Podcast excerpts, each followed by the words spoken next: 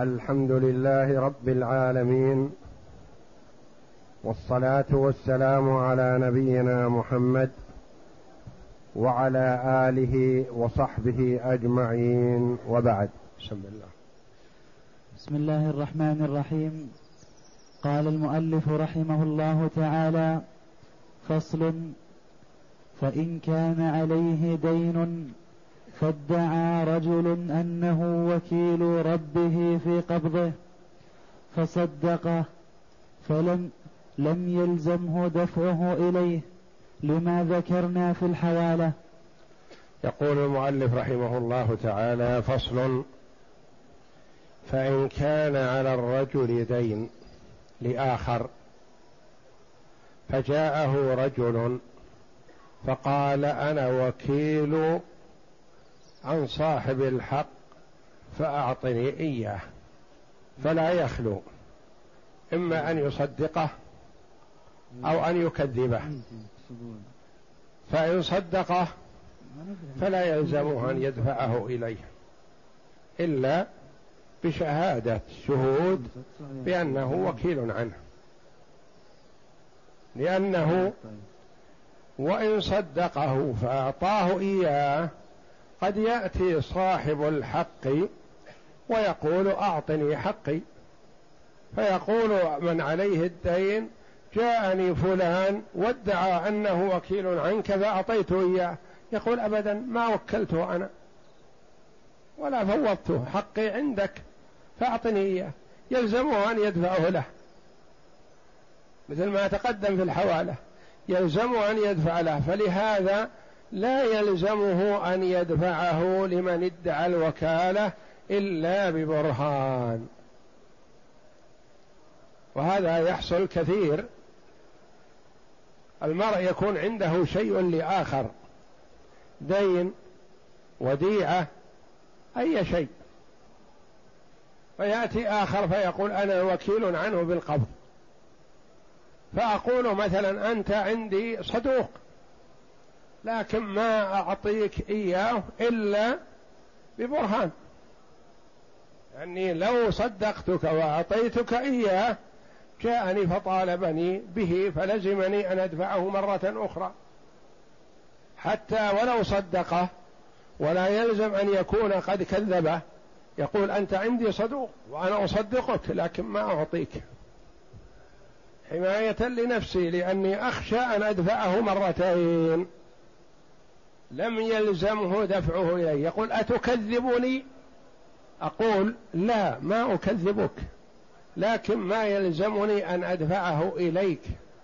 لأني إن دفعته إليك فهو هو كذبك طالب لي به مرة أخرى. وإلا أنا فلا أكذبك لكن ما يلزمني حتى ولو صدقتك. وأنت عندي صدوق لكن لا أعطيك. حماية للإنسان لنفسه أن يدفع مرتين. نعم. وإن أنكر لم تلزمه اليمين. وإن أنكر قال لا ما لست بوكيل عن فلان. ولا أعلم أنه وكلك ولا وكل غيرك. فأنا أنكر وكالتك التي تدعي بها. إلا بشهود. فهل لنا أن نحلفه بأنه ينكر الوكالة ما وكله لا. لو قلنا له احلف فنكل هل نلزمه بدفع الشيء بدون برهان؟ لا.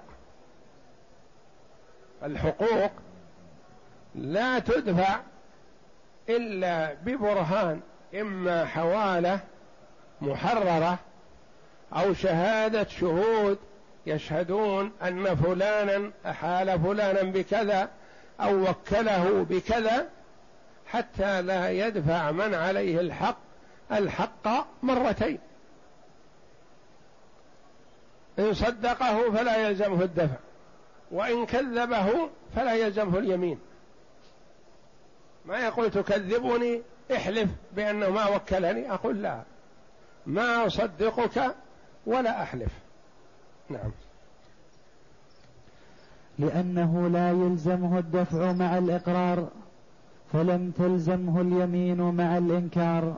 فإذا لم يلزم الدفع مع الإقرار فلا تلزم اليمين مع الإنكار. لأنه لو صدقه ما لزمه أن يدفع. فكيف وقد كذبه؟ فإذا كذبه فلا تلزمه يمين لأن اليمين تلزم من إذا نكل عنها ألزم بمقتضاها. اليمين تلزم لتخويف المسلم من جحد الحق. أنت لك على زيد مبلغ من المال. ما عندك شهود. حضرت ما عند القاضي يقول القاضي بينتك. إن كان عندك شاه بينة شهود سمعهم القاضي. ما عندك شهود قلت له للقاضي عندي شاهد واحد. فيقبل هذا الشاهد مع يمينك أنت لأن جانبك أصبح الآن قوي بوجود هذا الشاهد. قلت ما عندي أحد. يقول القاضي لك يمينه. فيخوفه القاضي بالله من معقب من من عقب اليمين الكاذبة فربما خاف ولا يحلف يقول لا ما أحلف. يقول إذن ادفع المبلغ المدعى به. فاليمين تلزم من إذا نكل ألزم بدفع المبلغ. وهذا الذي ادعى الوكالة فأبى عليه. من عنده الحق أن يدفعه له ما نحلفه نقول احلف لأنه لو امتنع عن اليمين ما ألزمناه بالدفع إلا لصاحب الحق. فإن دفعه إليه فأنكر رب الدين الوكالة حلف ورجع على الدافع ثم رجع الدافع على الوكيل. فإن دفعه إليه صدقه. جاء إليه رجل وقال أنا وكيل عن صاحب الحق عندك له ألف ريال وكلني في استلامه سلمني إياه. فسلمه. ثم جاء صاحب الحق وقال يا أخي عندك لي ألف. فقلت له قد وكلت فلانا في قبضه وقبضته إياه. قال أبدا ما أعرف فلان ولا وكلته وإنما تقول علي. فيلزم صاحب الحق من عنده الحق أن يدفعه ولو مرة أخرى فيدفعه. ثم هذا الذي دفع الحق يطالب من دفعه إليه أولا يطالب الوكيل يقول أنت ادعيت أن فلانا وكلك فسلمتك الألف فسلمني إياه. فإن دفعه إليه نعم. فإن دفعه إليه فأنكر رب الدين الوكالة. رب الدين يعني صاحب الحق الذي له الحق. الوكالة قال ما وكلته. نعم. حلف ورد. حلف من هو الذي يحلف؟ منكر الوكالة. يقول ما وكلت فلان فنحلفه لأنه ربما يكون وكله. وأراد أن يأخذ الحق مرتين فنحلفه. فإن حلف لزم من عليه الحق أن يدفعه. وإن أبى فلا يدفع له شيء. يقال امتناعك عن اليمين دليل على أنك وكلته في القبض فقبض. ورجع على الدافع. من هو الدافع؟ الذي عنده الحق. يعطي الحق لمن هو له. نعم. حلف ورجع على الدافع. ثم رجع الدافع على الوكيل. ثم يرجع الدافع على الوكيل.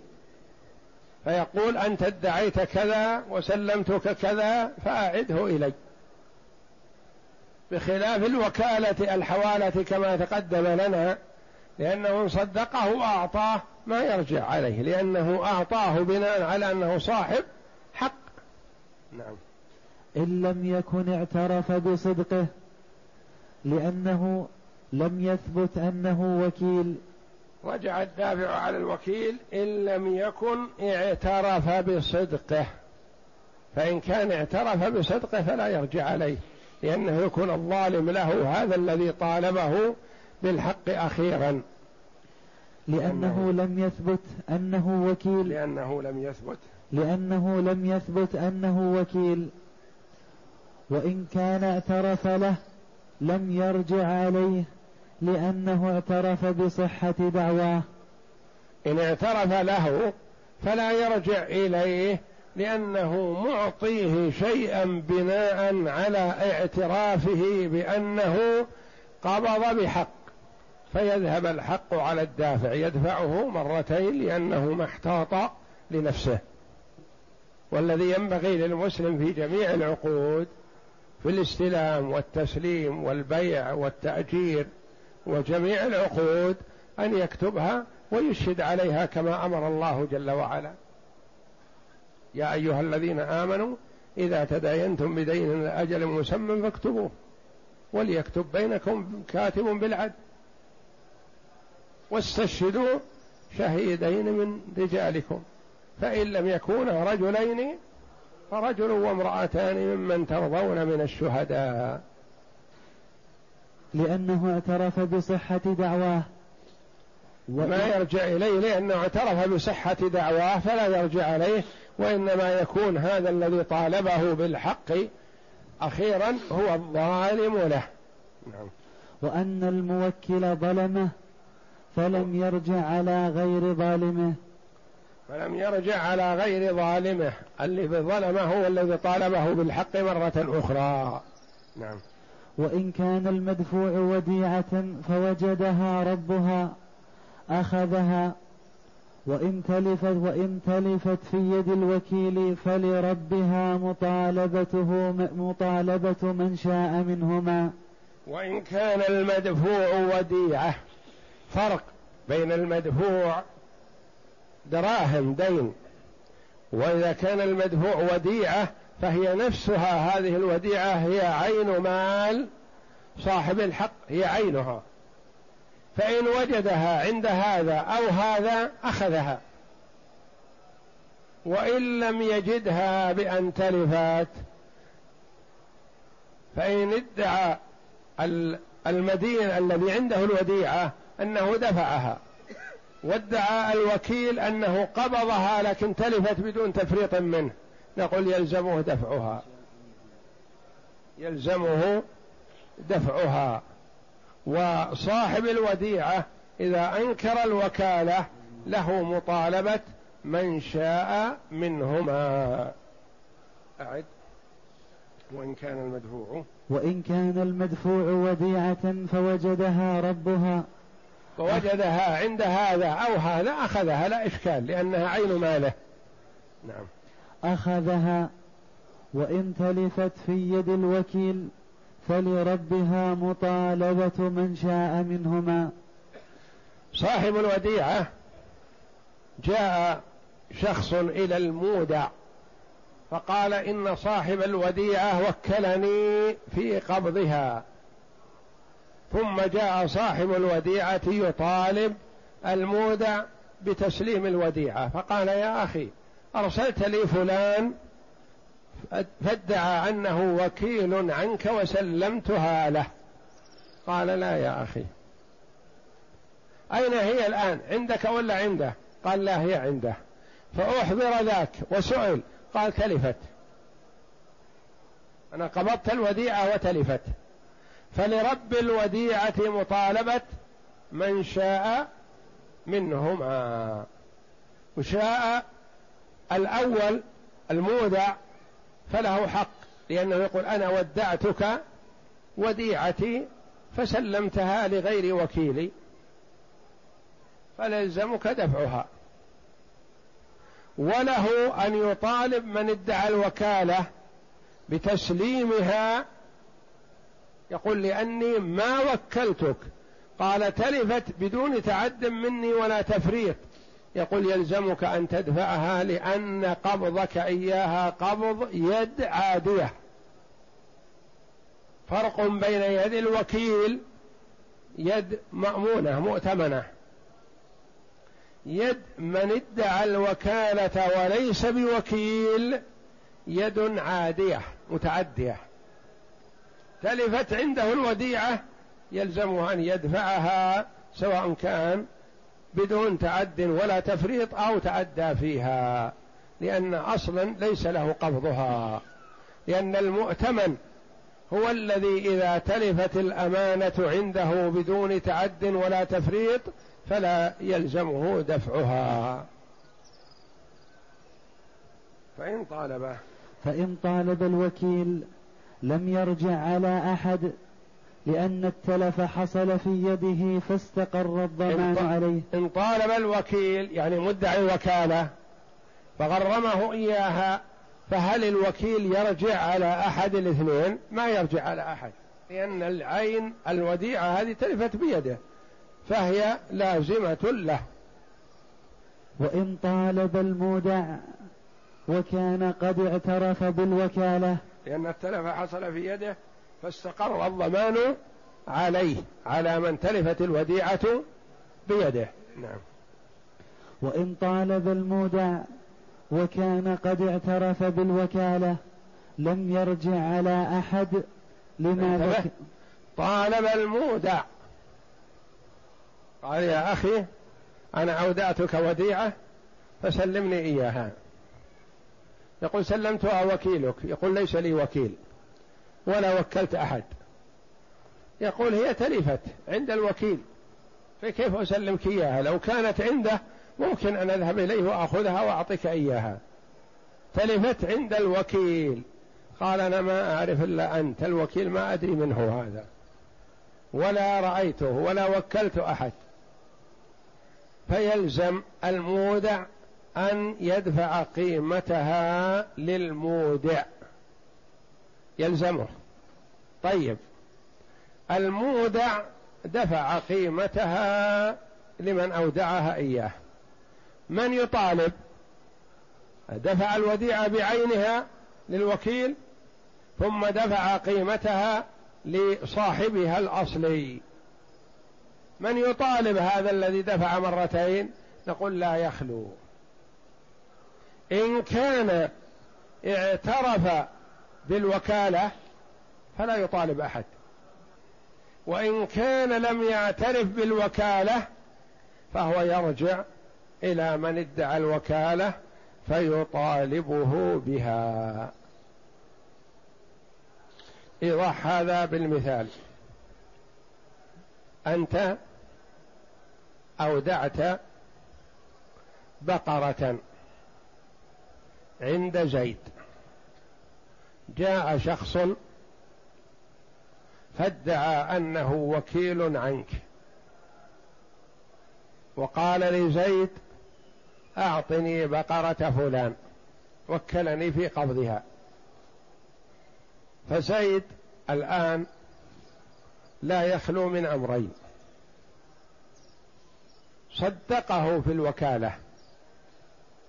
واعترف أنه وكيل فدفع البقرة إليه. ثم أخذ البقرة هذا وذهب. فجاءت أنت إلى من أودعته البقرة وقلت له يا أخي سلمني بقرتي. فقال لك أرسلت إلي فلانا لقبضها فقبضته إياها. فقال ما أعرف فلانا؟ ولا وكلته. وأنا سلمتك بقرتي لأني مؤتمن لك وواثق بك. فأين هي الآن؟ ما هي موجودة؟ اخذها ذاك ما ندري. ذبحها باعها ما ندري عنها. فيلزم من أودعته بقرتك في هذه الحال أن يدفع لك ثمنها.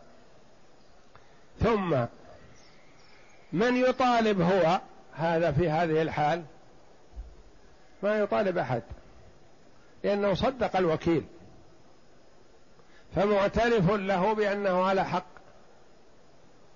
وإنما يحتمل أنك أنت بمطالبتك المودع ظلمته فحسابكما على الله. لكن ما يسوغ له أن يطالب هو الوكيل لأنه مصدق له.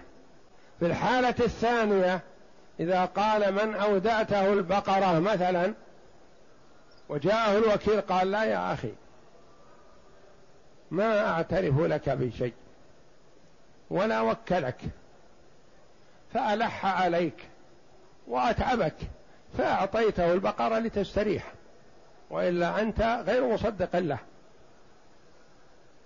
فجاء فجئت أنت تطالب بهذه البقرة التي أودعتها زيد فقال لك زيد إني سلمتها لوكيلك فقلت له أنت ليس لي وكيل ولا وكلت أحد. فقال والله هذا حسب معلوماتي إنك ما هو وكيل لكنه أشغلني وأتعبني فأعطيته إياها. فيلزمه هو أن يدفع لك الثمن وله أن يطالب ذاك لأنه لم يعترف له بالوكالة. ففرق بين من يدفع الشيء لشخص يرى أنه محق فلا يطالبه. يدفع الشيء لشخص لا يرى أنه محق لكن ليتخلص فمن حقه أن يطالبه به ويأخذه منه. وإن طالب المودع. وإن طالب المودع وكان قد اعترف بالوكالة لم يرجع على أحد لما ذكرنا في الدين. لأنه معترف له بالوكالة. نعم. وإن لم يكن اعترف للوكيل رجع عليه. رجع عليه أي على من ادعى الوكالة. يرجع على من ادعى الوكالة لأنه ما اعترف له بالوكالة وإنما أعطاه لأنه أشغله وأتعبه. فيرجع عليه إن لم ينكر الاستلام فإن أنكر الاستلام ذهبت عليه. والله أعلم وصلى الله وسلم وبارك على عبده ورسول نبينا محمد وعلى آله وصحبه أجمعين.